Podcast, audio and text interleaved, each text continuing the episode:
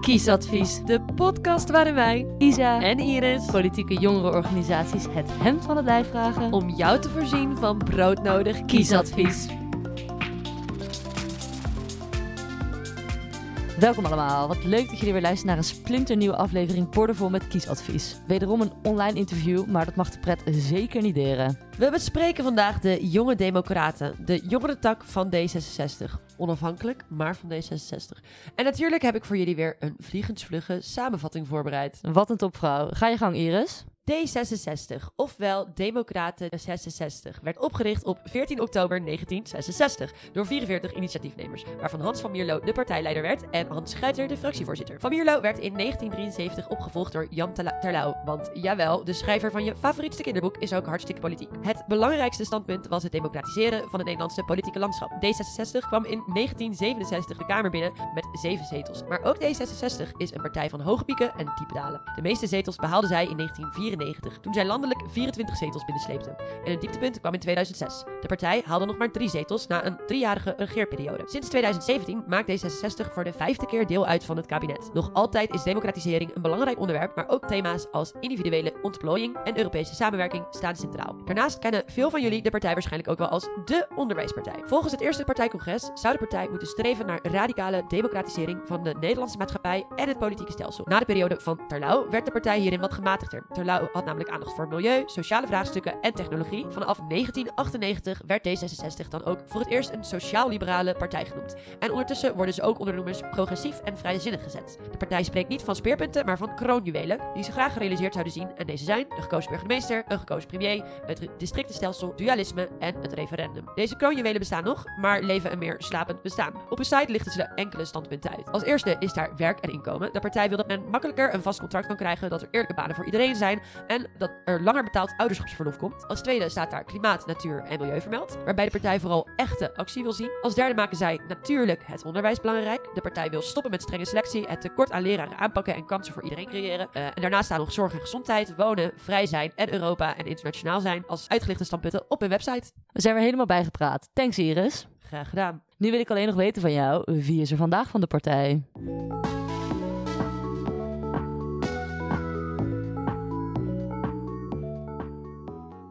Dat is Leonie Jansen, de voorzitter van de Jonge Democraten, live via Skype. Van harte welkom, Leonie. Uh, kun je ons, uh, onze luisteraars alvast een, wat meer vertellen over jezelf, over je politieke avonturen en de weg naar het voorzitterschap van de Jonge Democraten? Nou, ik ben uh, dus Leonie Jansen. Um, ik ben voorzitter van de Jonge Democraten en dat ben ik, ik ben nog niet zo heel erg lang lid ook van de JD. Um, in het dagelijks leven ben ik trouwens docent, uh, maar nu, um, ik, op een gegeven moment tijdens mijn studententijd bedacht ik, ik wil iets anders, want ik merkte, ik zat bij een studentenorkest en we stonden toch veel na de repetities in de kroeg en de gesprekken waren wat slap, vond ik soms. Wel heel gezellig overigens, maar op een gegeven moment wilde ik iets meer.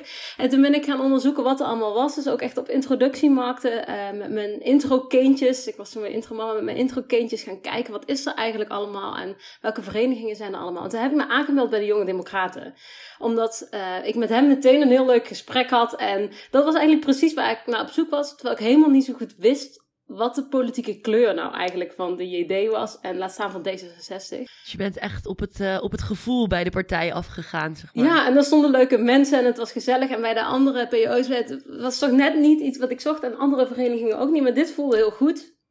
Uh, en uiteindelijk ben ik dus me wat meer gaan verdiepen in de JD en in de Jonge Democraat en D66. En toen kwam ik er toch wel achter dat de politieke kleur ook wel heel erg goed bij mij past.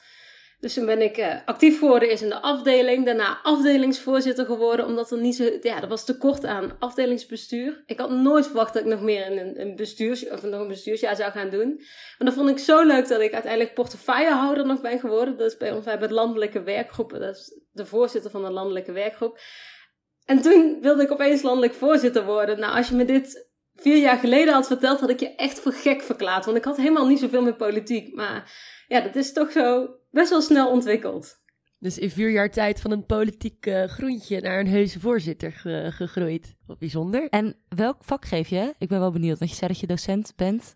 Ja, ik werk op de PABO. Um, daar geef ik pedagogiek en onderwijskunde en ontwikkelingspsychologie en coaching. Eigenlijk heel erg de sociale uh, vakken. En, en het stukje wat achter, ja, eigenlijk de didactiek, dus wat achter het onderwijs zit. Ja, cool. En dat past natuurlijk misschien ook wel bij D66, echte onderwijspartij, maar daar gaan we het zo nog uitgebreid over hebben.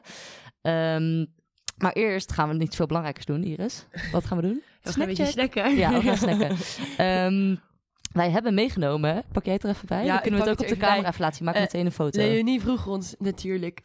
ja, Leonie heeft wat uitgekozen namens haar partij. Eh, alleen hebben we een kleine... ja, Kleine disclaimer. kleine disclaimer. Het, zijn, het waren celebrations, hadden het moeten zijn, maar het zijn dus Choco Party box. dat dat Want- was wat onze supermarkt verkocht namelijk. ja, Dus wij hebben hele leuke Duitse chocolaatjes. ja, net iets anders. Maar goed, misschien kun je er alsnog eh, iets bij vertellen. Of in ieder geval waarom de celebrations de typische jonge democraten snack zijn. Ja, ik heb er heel lang over nagedacht en ook even teruggeluisterd wat anderen hadden. En ik wilde eigenlijk niet hetzelfde. Dus iedere keer als ik iets had verzonnen, dan kwam nog een nieuwe PO die ook hetzelfde antwoord had. En uiteindelijk ben ik gaan nadenken, ja, wat, een beetje gaan brainstormen. Wat, wat zijn de jonge democraten nou eigenlijk? En wat ik heel erg leuk vind, is dat er ehm, heel veel verschillende soorten mensen bij de JD zitten. En iedereen wel echt zijn eigen plekje heeft. Dus iedereen heeft een ander wikkeltje en een andere binnenkant. En ehm, ja, smaakt misschien ook net wat anders. Maar als je ze samen in een doosje stopt, dus in de idee is het wel één groot feestje. Dus dat, ik dacht dat past wel heel erg goed bij de idee Als je ze samen in een doosje stopt. Ik vind het heerlijk verwoord. Ja, ik vind het ook goeie. ja, en goede snack. Ja, Zeker wij, voor de tijdstip. ja hoor, lekker bij de koffie. Lekker bij de koffie inderdaad. Super. Wij gaan er eh, van smullen en dan zijn we zo bij jullie terug voor het echte werk.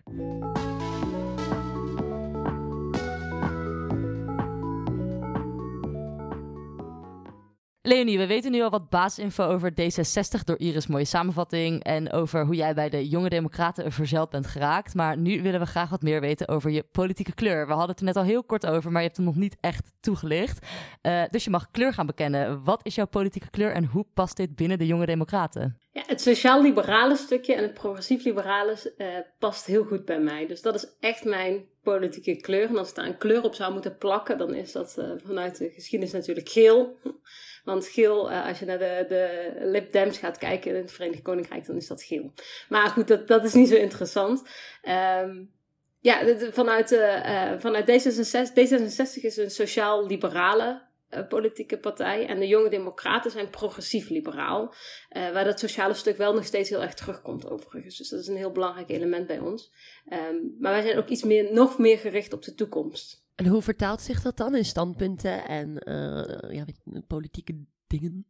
Politieke dingen. Nou, eigenlijk vertaalt zich dat heel erg mooi in de slogan van D66. Dat is laat iedereen vrij, maar niemand vallen. Dus je moet ervoor zorgen dat iedereen een, een goede basis heeft. En dat iedereen in ieder geval gelijke kansen heeft gekregen. En daarna eh, staat de vrijheid best wel hoog bovenaan. Dus dat, dat sociale stukje, het zorgen voor elkaar, maar vervolgens ook het elkaar vrij kunnen laten, het liberale stukje, komt daarin heel mooi terug.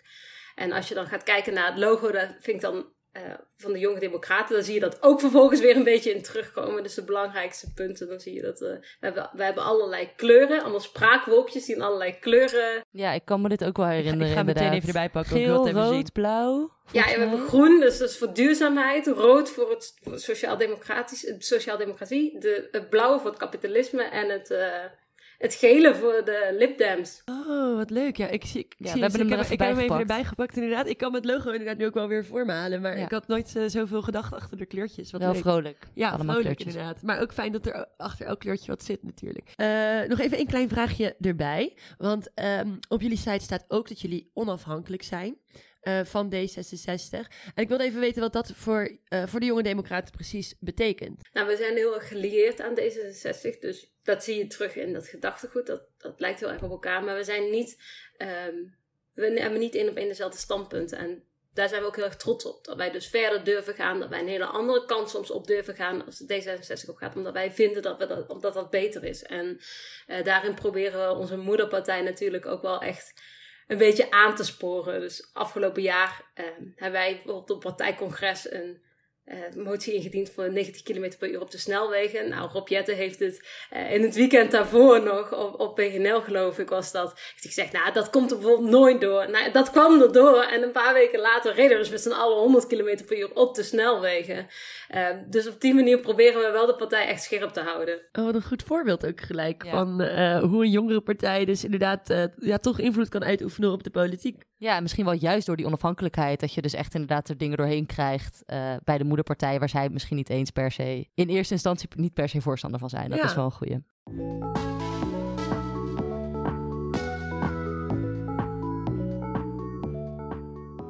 Ik, jij, wij, onze luisteraars, we zijn allemaal jong en we willen wat. En vandaag willen wij van jou meer weten over de standpunten van de Jonge Democraten en D66 op jongeren-specifieke thema's. We bespreken het standaard rijtje wonen, leren, werken.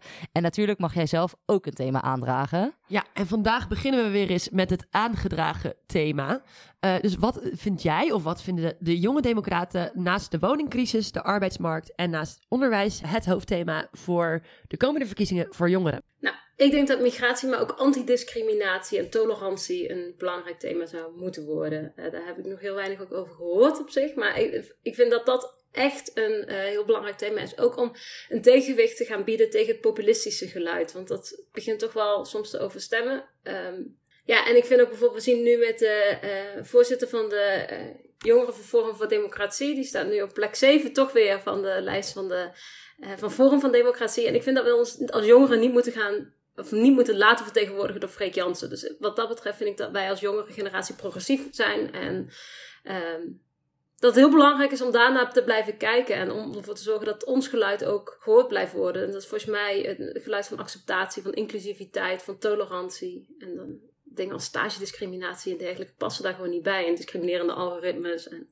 zo moeten we echt ervoor zorgen dat dat niet meer gebeurt. En hoe, in welke maatregelen uitzicht dat dan? Dus wat zouden jullie nou er echt heel graag doorheen willen krijgen uh, vanaf 2021 om te zorgen dat dat uh, geluid eigenlijk meer wordt gehoord of dat daar meer op wordt gehandhaafd, zeg maar? Nou, sowieso die stagediscriminatie, maar überhaupt discriminatie op de arbeidsmarkt. Volgens mij moet er veel meer anoniem gesolliciteerd worden.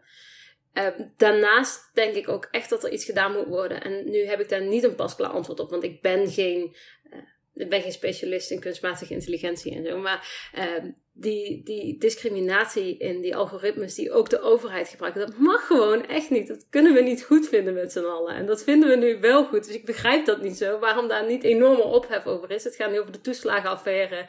En dit lijkt daar maar een heel klein onderdeel van te zijn. Terwijl dat volgens mij de start is geweest van die hele toeslagenaffaire. En daar hoor je zo weinig mensen over. Ik heb hier ook echt pas heel kort geleden een beetje over geleerd, zeg maar, hoe Facebook en, en Instagram dat zelf doen.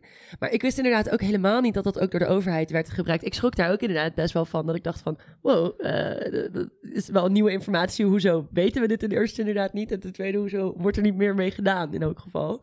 Maar dat is dus iets wat, D66, of, uh, wat de jonge democraten graag uh, terug zouden zien bij D66 bijvoorbeeld. Ja, zeker. Ja. Een belangrijk onderwerp, onderwerp wel, denk ik. En eentje die we ook nog niet gehoord nee, hebben. Nee, dat is dat altijd leuk. Dat vind ik ook wel heel erg leuk, inderdaad. Een ander thema met een enorme impact op jongeren is de huidige wooncrisis. De Jonge Democraten en jullie moederpartij zijn voorstander van een ministerie voor wonen. Uh, dat moet worden opgericht om dit te fixen. Ja, en wat een lijst met plannen kwamen wij tegen. Uh, duimpjes omhoog voor jullie website. Ja, ik ben er even helemaal doorheen gegaan en we lazen onder andere over het transformeren van kantoorpanden, het gebruiken van de verhuurdersheffing voor het verduurzamen van woningen, het aanpassen van de inkomenseis voor huurhuizen, afschaffen van fiscale aftrek voor de hypotheekrente en flexibele bestem... Zo, ik kom er. Ik dacht echt, yes, dit gaat me helemaal lukken. bijna, bijna. Uh, en flexibelere bestemmingsplannen en nog veel meer. Ja, dat is een hele mond vol is. Bijna gelukt. Laten we beginnen met die verhuurdersheffing. Uh, want veel partijen willen dit afschaffen. En als we het goed begrepen, willen jullie dit stiekem ook. Uh, maar waarom dan toch dit alternatief om het te behouden en te gebruiken voor verduurzaming? Nou, als jonge democraten vinden wij ook dat het, uh, dat het afgeschaft moet worden, net als een hele hoop andere partijen dat vinden. Maar tegelijkertijd is er wel al aangekondigd dat dat niet realistisch is en waarschijnlijk niet gaat gebeuren. Dus wij hebben vervolgens gezegd, nou als het dan dan niet gebeurt, dan moeten we ervoor gaan zorgen dat het in ieder geval goed geïnvesteerd wordt.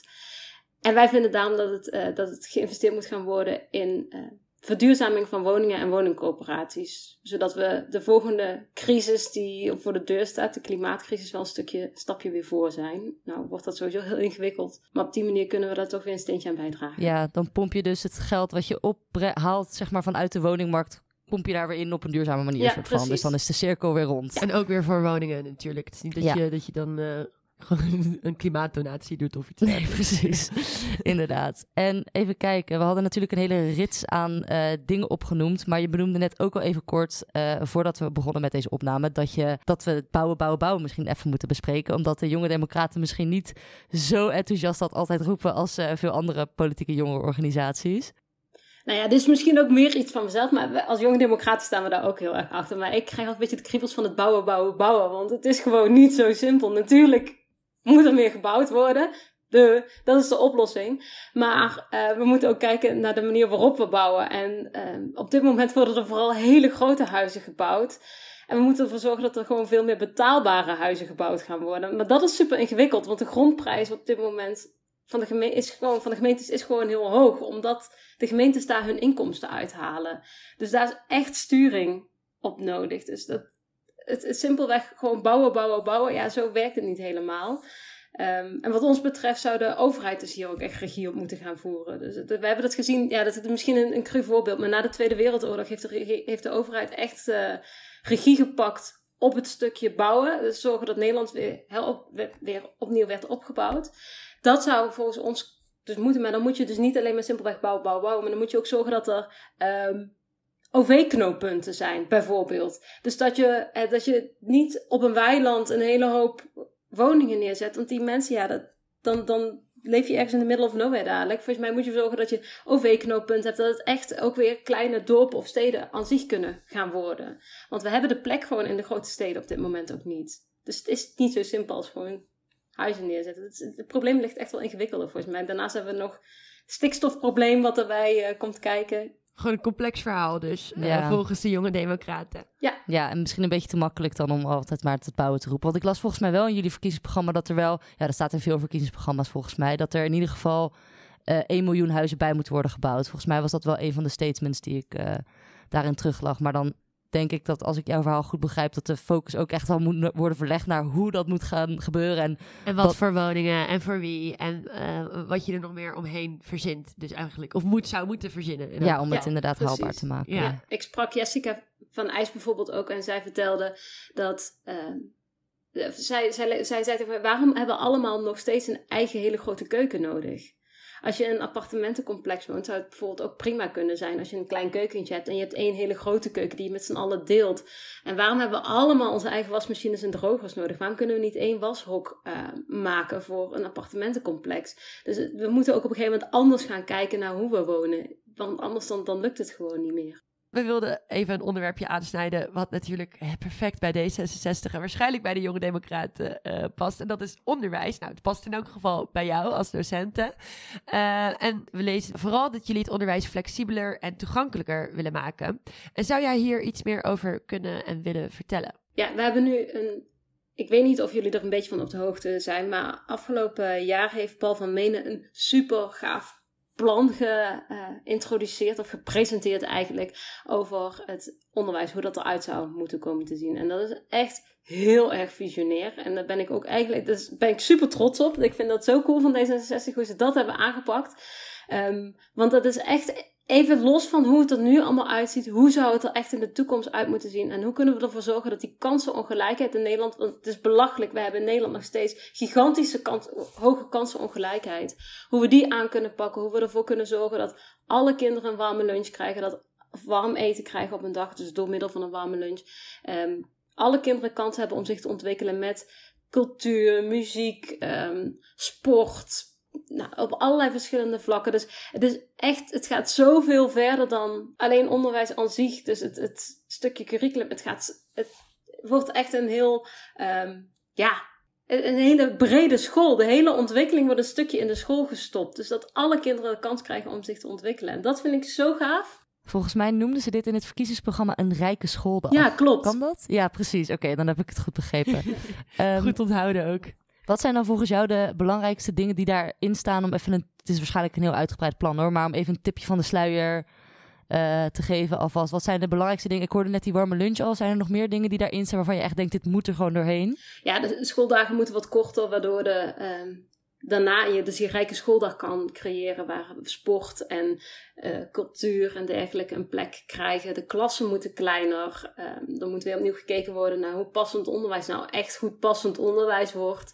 Maar ook op middelbare scholen, de niveaus die we nu kennen, hoe kan je die, moeten we nog zo vasthouden aan die niveaus? Of moet je veel meer gaan kijken naar hoe het veel flexibeler kan? Dus als iemand gigantisch goed is in wiskunde, echt gigantisch goed is in wiskunde, maar de, van de talen helemaal niks bakt moet dan zo iemand per se op het VMBO ook wiskunde doen? Of mag dat dan ook op een hoger niveau? En wat kan je daar dan vervolgens mee? Want als je daar echt een enorm talent in hebt, moet je dan niet zorgen dat zo iemand ook daadwerkelijk met dat talent later kan gaan werken?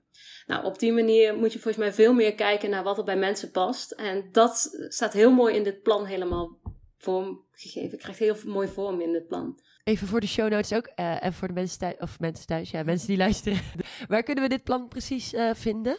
Het staat sowieso nagelezen natuurlijk. in het verkiezingsprogramma, maar het staat ook op de website als apart plan. Uh, want het is ooit echt gepresenteerd voor, de, voor het verkiezingsprogramma al. Dus op de website van D66 is dat dan te vinden. Nou, zetten wij even een linkje in de show notes natuurlijk. Ja, dan kan iedereen het even nalezen. Ja, want, want een van mijn vragen was stiekem een beetje, ik dacht, ik prop hem ergens tussendoor van, ik hoor wel altijd van waarom is D66, of, dat D66 de onderwijspartij is, maar waarom is dat dan? Maar dan heb je hier eigenlijk al wel een, een, een heel mooi voorbeeld gegeven natuurlijk, want ik heb nog niet van een andere partij gehoord dat ze een heel onderwijsplan hebben gepresenteerd de afgelopen jaren. En last but not least hebben we nog een meest prangende onderwijsvraag, misschien wel voor uh, alle studenten. Wat te doen met het leenstelsel? Je zag het misschien al een beetje aankomen. Ja, ja als de Jonge Democraten en D66 zijn uh, voor een verzilverbare heffingskorting. En dat is best wel een ingewikkeld plan. Maar het komt er eigenlijk op neer dat, er, dat je niet meer wordt beoordeeld op het inkomen van je ouders, op je eigen inkomen. Dus als jij zelf heel erg veel verdient, dan kan het zo zijn dat je wat minder beurs krijgt. Maar dat is voor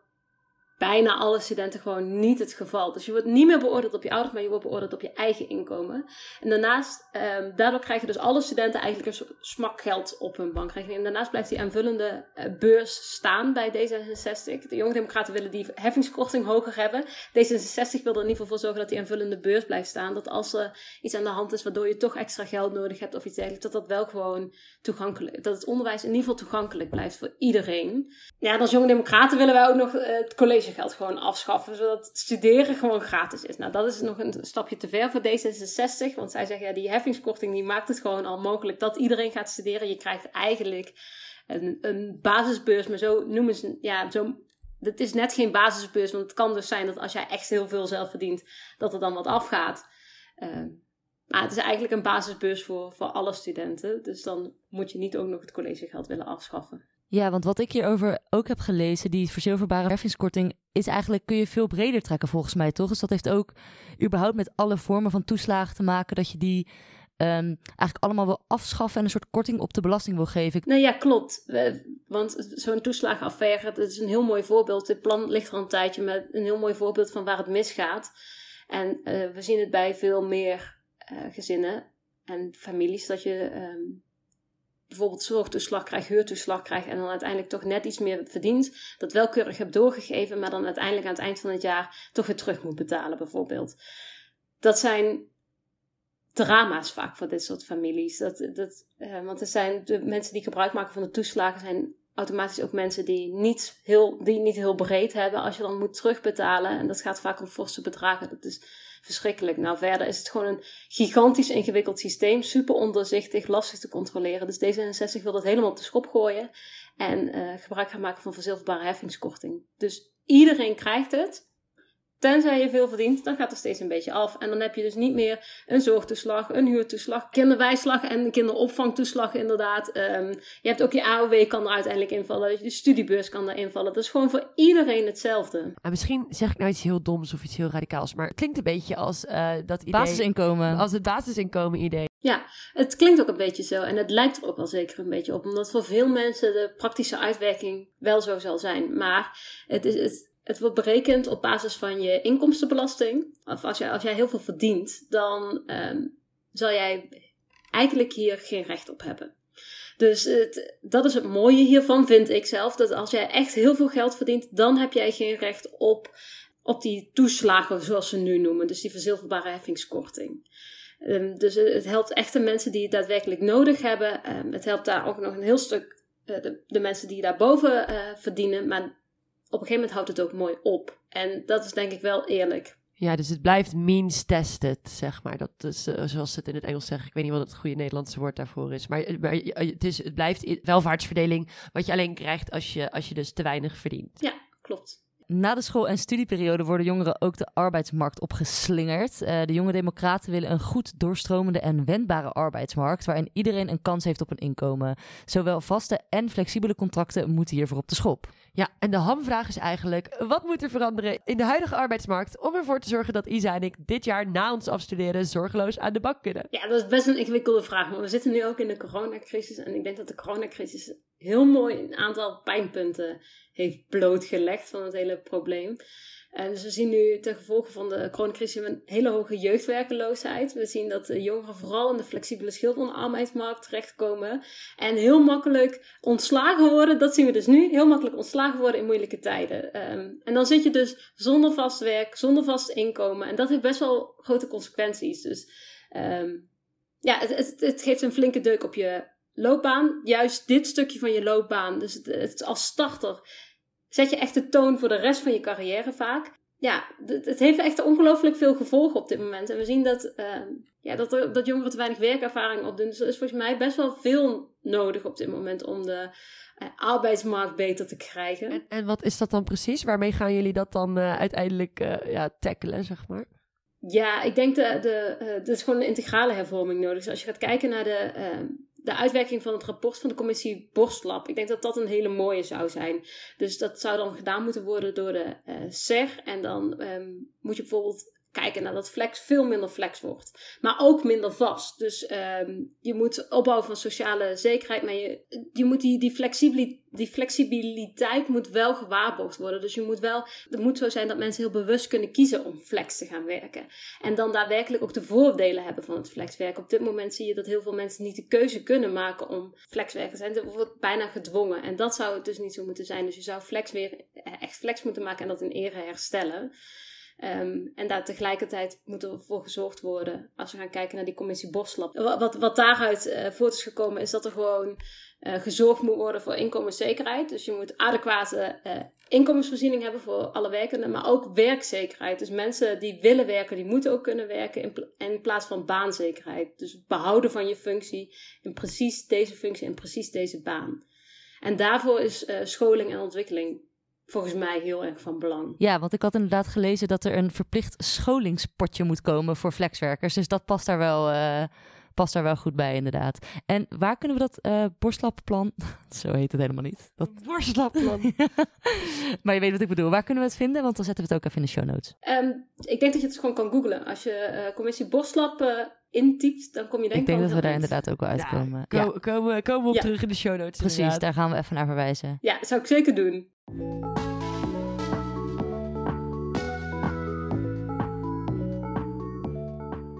Wij zijn inmiddels uh, wel al door onze vragen heen, maar onze trouwe volgers en luisteraars hebben ook nog wat vragen opgestuurd. Um, Iris gaat uh, aftrappen met de eerste. Oh, ga ik aftrappen met de eerste? Uh, ja, de allereerste vraag was: jullie zijn onafhankelijk, maar meer verbonden aan D66. Maar waarom precies D66? Ja, je hebt het eigenlijk al een beetje vrijgegeven natuurlijk in het kleur bekennen. Ja, we zijn ooit opgericht als de jongere partij van D66. Dus dat, en uh, het, het sociaal-liberale en sociaal-progressieve, dat, dat hangt natuurlijk heel erg met elkaar samen.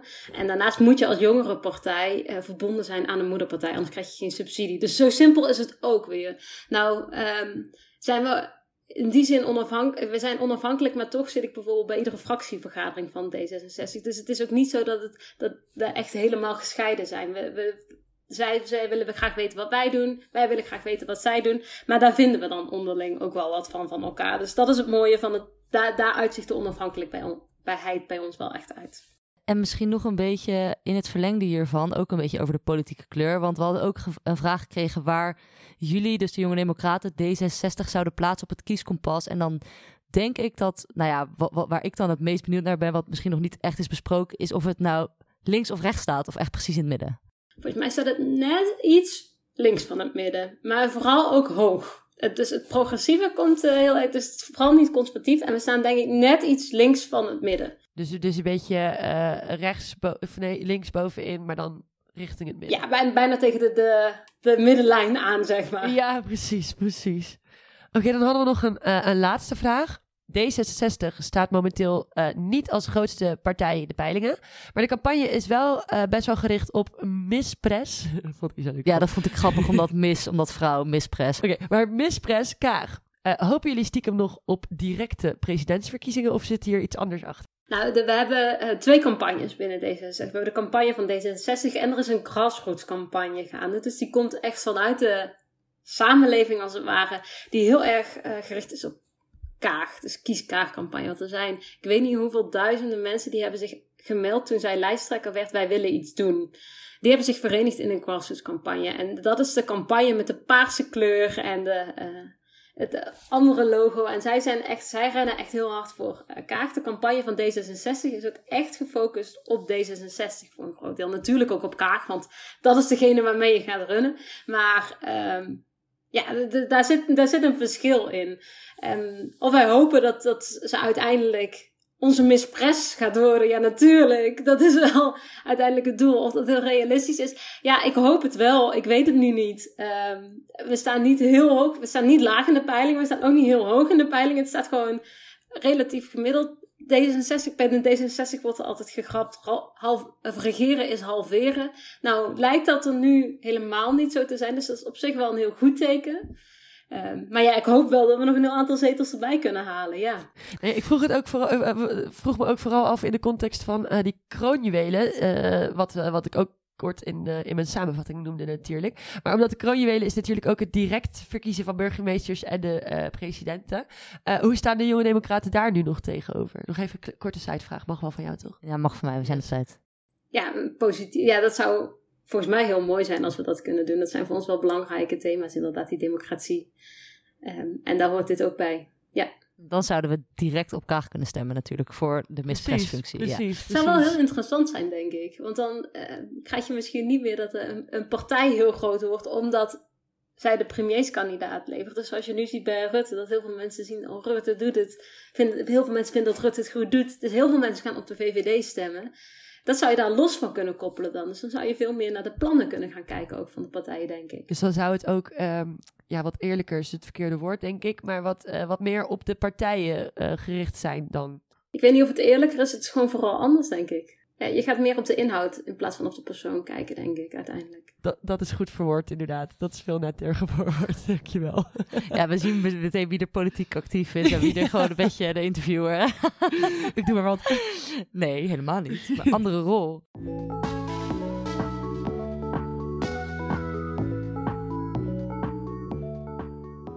Het is tijd om uh, te gaan afronden. Maar voordat we jou digitaal gaan uitzwaaien, is het eerst tijd voor de party pitch. Je krijgt 30 seconden de tijd om jouw partij te pitchen voor onze luisteraars. Um, en ik denk door de onafhankelijkheid dat het wel de Jonge Democraten wordt en niet D66. Maar je mag zelf kiezen. Dus je mag ook pitchen waarom er op D66 gestemd moet worden, bijvoorbeeld. Het is allemaal aan jou. Ja, nou, ik denk dat ik ze even samenpak. Want uh, in dit geval gaat het heel erg samen.